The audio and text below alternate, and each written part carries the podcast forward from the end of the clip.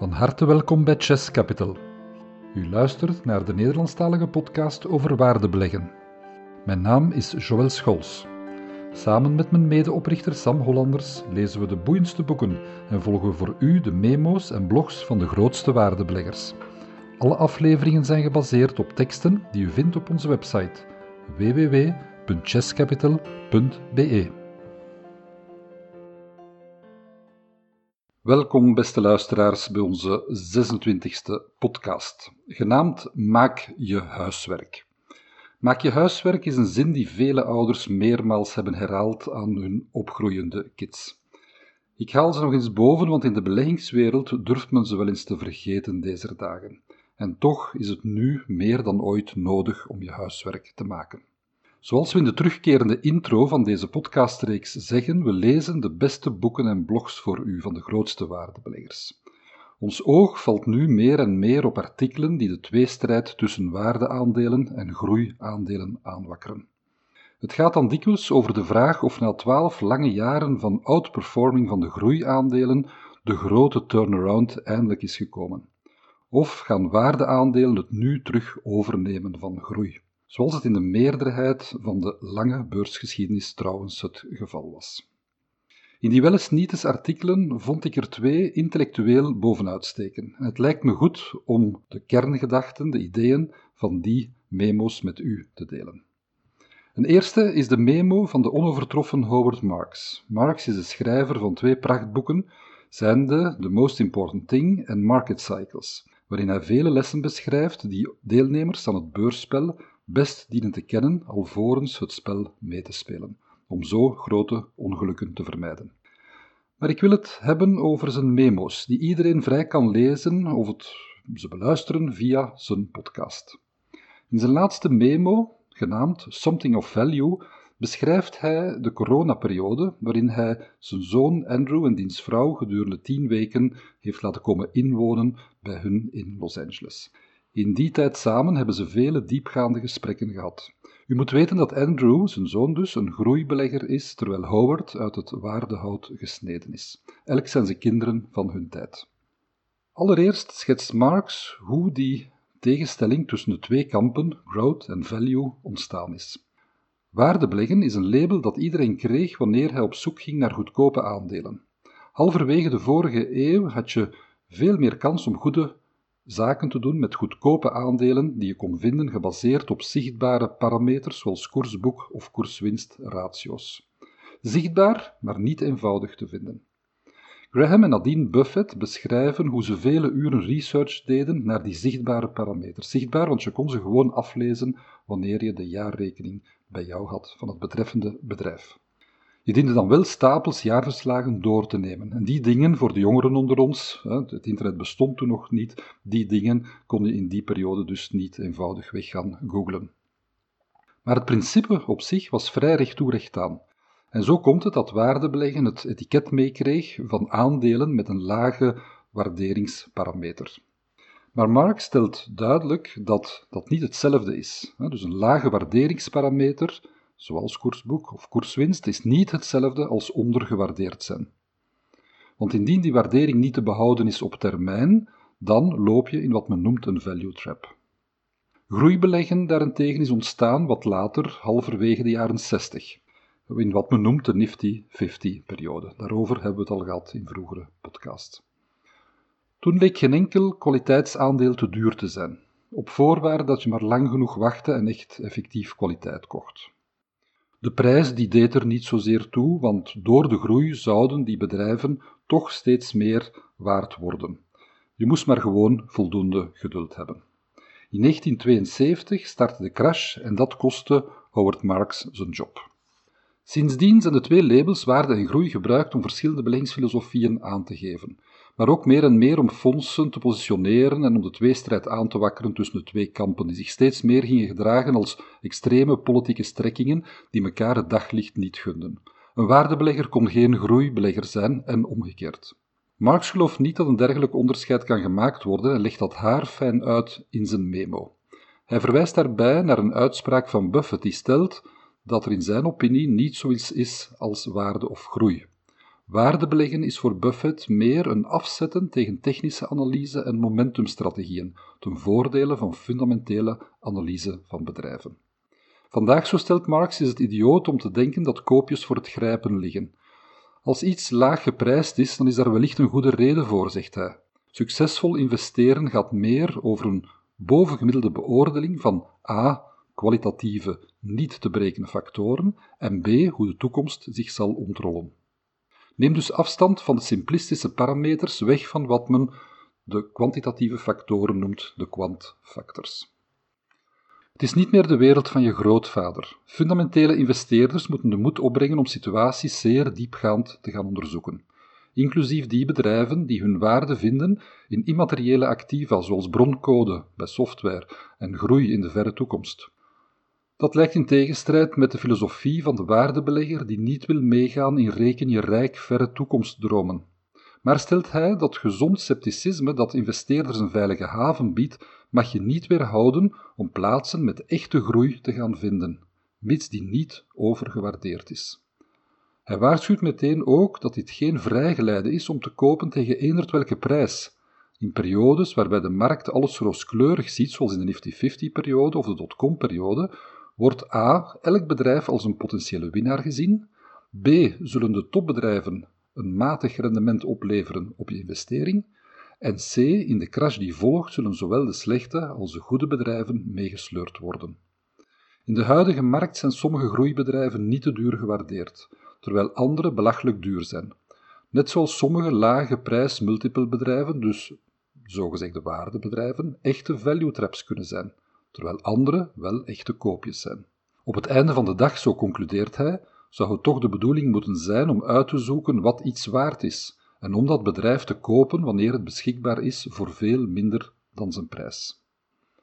Daarbij zijn de diepgaande kennis over bedrijven en sectoren en inzicht in het toekomstpotentieel een groter voordeel voor de fundamenteel analist om een goede forecast te maken dan de data die voor iedereen beschikbaar zijn in allerhande databronnen en screeners. Vitali Katzenelson. De tweede memo is van de hand van Vitali, de immer grappig schrijvende Amerikaan geboren in Moermansk, ergens boven de Russische Poolcirkel. Hij beschrijft in zijn laatste memo wat hij noemt de groei- en waarde-demagogen. Groeidemagogen argumenteren dat de prijs van een stevig groeibedrijf er niet toe doet. Die uitspraken lees je meestal, zegt hij, nadat groeiaandelen het zeer goed hebben gedaan en wanneer de groeidemagogen als goden over het water lopen. Ze noemen de waardebeleggers boekhouders. Eveneens refererend naar de Nifty 50-periode stelt Vitali dat de prijs die je betaalt, zelfs voor een geweldig groeibedrijf, er echt wel toe doet. Als voorbeeld neemt hij het bedrijf Qualcomm. Qualcomm is houder van patenten, vooral voor 3G mobiele telefoons, maar ook voor de latere versies. Het bedrijf verdient tussen de 3 en de 5 dollar, dacht ik, per verkocht mobieltje wereldwijd. Een fantastisch groeibedrijf. Ik ga deze case heel kort voor u toelichten. Nu, ik verwijs graag naar onze website in het geschreven artikel, waar ik in dit geval een drietal grafieken toevoeg om mijn verhaal te ondersteunen. Nu, ik ga u heel kort toch proberen uit te leggen op de podcast wat ik toon in die grafieken. Een eerste grafiek is gewoon de koersevolutie. En dan zie je een geweldige piek, een steile lijn omhoog in de jaren 99, 2000, dus dotcom-bubbel, om daarna gedurende 20 jaar vanaf die piek weg te zakken tot 80%, om na 20 jaar terug te komen op het niveau van die piek en dan de laatste jaren terug door te groeien. Dus een eenvoudige vaststelling is dat je dan kon kopen, je kon een geweldig uh, bedrijf kopen, een fantastisch groeibedrijf, alleen betaalde je het in 99, 2000 te duur. Want als je dan de winstgrafiek uh, ernaast legt, dan zie je een lichtje golven, maar eigenlijk continu opgaande winst, dus, dus een prachtige verveelvoudiging van de winst. Alleen als je de ratio winst ten opzichte van wat je ervoor betaald gaat afzetten, dan zie je dat in de periode 99-2000 gedurende acht maanden, dat er gedurende acht maanden dus meer dan 100 keer de operationele winst betaald werd. Dus de EV op EBIT ratio, met een piek zelfs tot 200. En dan zie je dus dat je effectief wel heel erg bedrogen kan uitkomen, ook al heb je dus de juiste analyse gemaakt en heb je dus besloten dat Qualcomm effectief wel een geweldig groeibedrijf is. Kocht je daarentegen in het dipje van 2016, dus bij een zeer lage prijs van het bedrijf ten opzichte van de operationele winst, dan nam je op die manier een laag risico en had je zicht op goede rendementen op je investering. De waardedemagogen, schrijft Vitali, die hebben hun Bijbel van Benjamin Graham gelezen, maar alleen maar onthouden dat je statistisch goedkope bedrijven dient te kopen. Verder, zegt hij, hebben ze niets van de filosofie begrepen.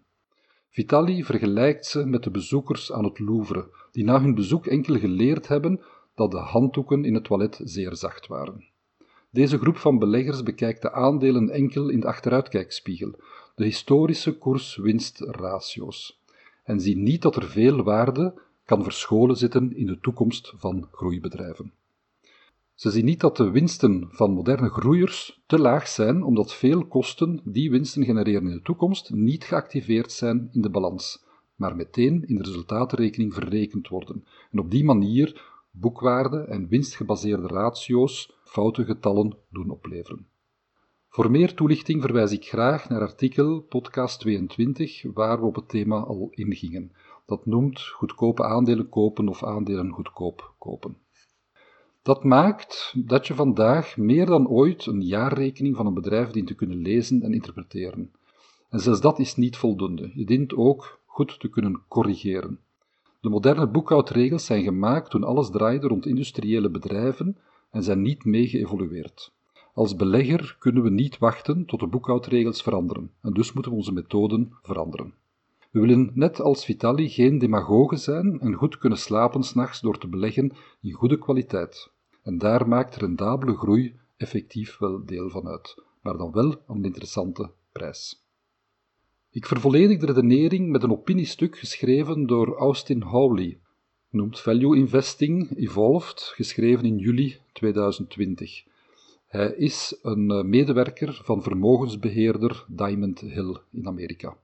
Hij vat de discussie goed samen door te stellen dat het een zeer logische strategie blijft om een bedrijf grondig te onderzoeken en aandelen te kopen van dat bedrijf wanneer je ze kan kopen voor veel minder dan hun waarde.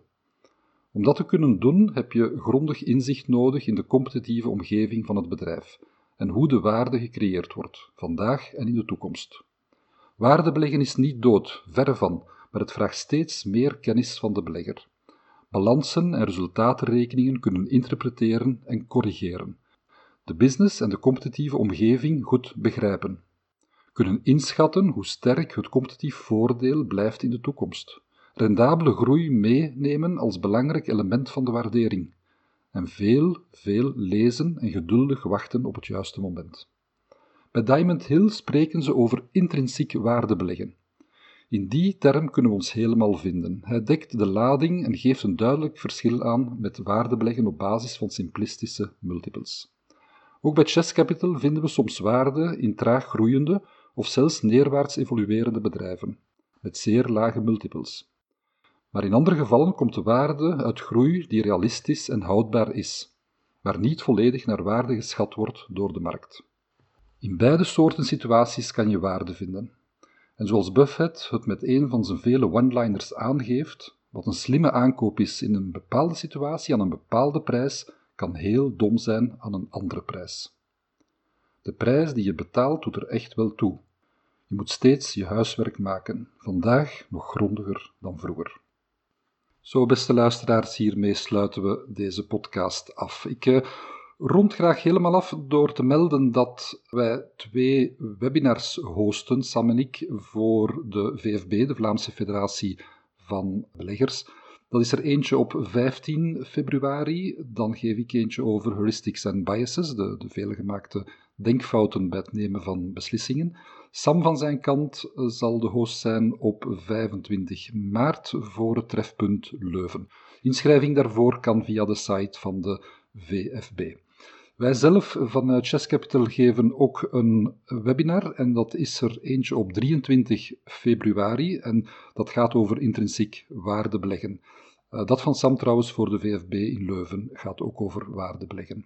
De inschrijving voor ons webinar op 23 februari, dat kan u doen of u kan de weg daarnaar vinden via onze LinkedIn-pagina Chess Capital, waar u de evenementen vindt. En dus dat op 23 februari staat daar bovenaan ergens vermeld. Daarnaast zeg ik ook dat ik eh, heel veel energie krijg door sporadisch ook voor kleine groepen, en dat is dan zeer interactief, met een groep van, van 8 tot 10 startende beleggers, van eh, een webinar te geven. Dat is dan meer een vraag- en antwoordspel gedurende een uur of twee. Veelal jonge mensen om de eerste goede gewoontes, de, de fundamenten aan te leren van wat het is om op de beurs toch uh, niet de grote fouten te maken vanaf dag één, maar om de goede fundamenten te leggen.